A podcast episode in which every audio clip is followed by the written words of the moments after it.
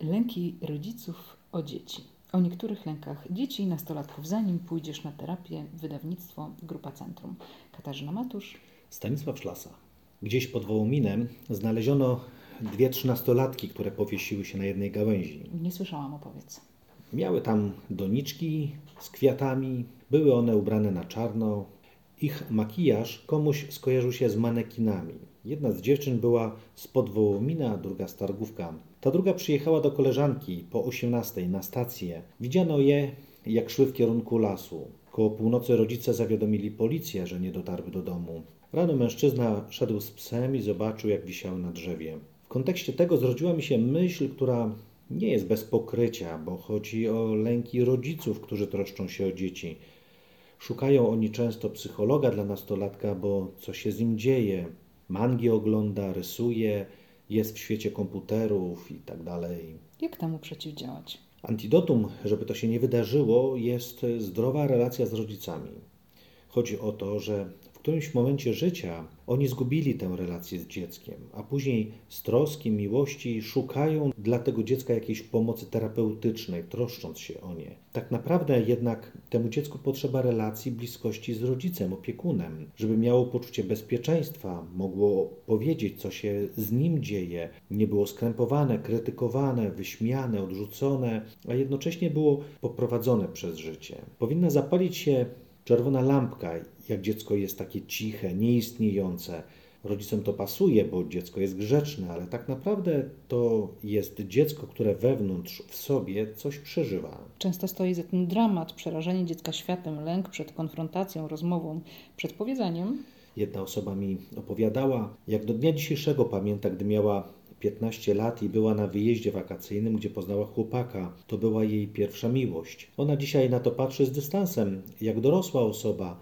Ta miłość trwała trzy tygodnie, ale to nie ma znaczenia. Do dnia dzisiejszego pamięta reakcję swojej matki, która to deprecjonowała, wyśmiewała.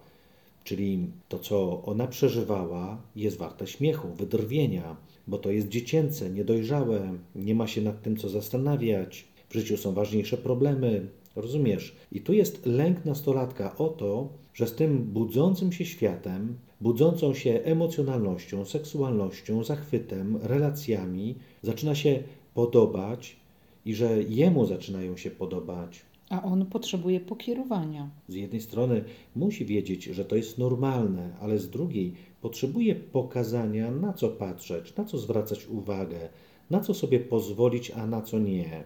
A dzieci są zagubione, zostawione sobie samym. Są zagubione ze swoją tożsamością w relacjach, w tym, co się dzieje w mediach. Słuchają tych wszystkich wiadomości, oglądają filmy i, nasiąkają tym. Dzieje się tak, jeżeli nie mają rodzica, który byłby autorytetem, jakimś odniesieniem, rodzicem, któremu ten dzieciak, nastolatek wierzy, ufa, nie boi się go. Dlaczego tak jest?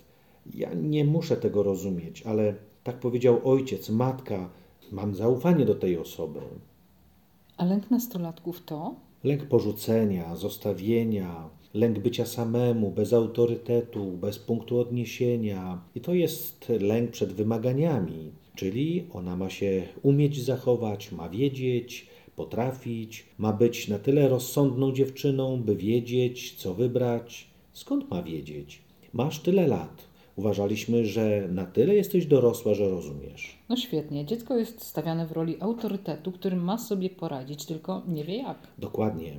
Zobacz, takie porzucenie generuje ogromny lęk, stres, ogromne napięcie, z którym dziecko nie potrafi sobie poradzić. Dlatego tak łatwo ucieka w internet, świat fikcji, relacje w social mediach, czyli płaskie, takie na komunikatorach. Dlatego tylko robią zdjęcia, zakładają maskę, udają kogoś, nie siebie, prężą się, ale nie ma w tym emocji, uczuć, prawdy. Uciekają w taki świat nierealistyczny, uciekają w świat fantazji, wyobraźni. Dlatego tak bardzo łatwo wsiąkają w pornografię, narkotyki, papierosy, uzależnienia, mangi, które są tak robione, że momentalnie uzależniają, wciągają. A wśród potrzeb nastolatków co stoi wysoko? Myślę, że ogromna potrzeba zaufania do nich, wiary w to, co powiedzieli. Pragną potraktowania adekwatnie do wiedzy, wieku, dojrzałego podejścia do nich. Chcą, byśmy nie ignorowali ich problemów, pytań, trudności. To ogromna potrzeba przyjęcia ze wszystkim. W okresie nastoletnim inaczej nastolatek to odbiera. Odbiera to całościowo. Jak ty go w tym momencie nie posłuchałeś, to znaczy, że on nie jest wart. On jest beznadziejny. Dla niego nie ma miejsca. Idzie po całości, tak zero-jedynkowo. Dlatego w okresie nastoletnim jest kluczowe, żeby nie stracić relacji z dzieckiem. Nie wolno mówić, że to jest dziecko, ale ani na moment nie wolno zapomnieć, że to jest dziecko. Więcej w książce o niektórych lękach dzieci i nastolatków, zanim pójdziesz na terapię. Wydawnictwo Grupa Centrum. Zapraszamy. Katarzyna Matusz. Stanisław Szlasa.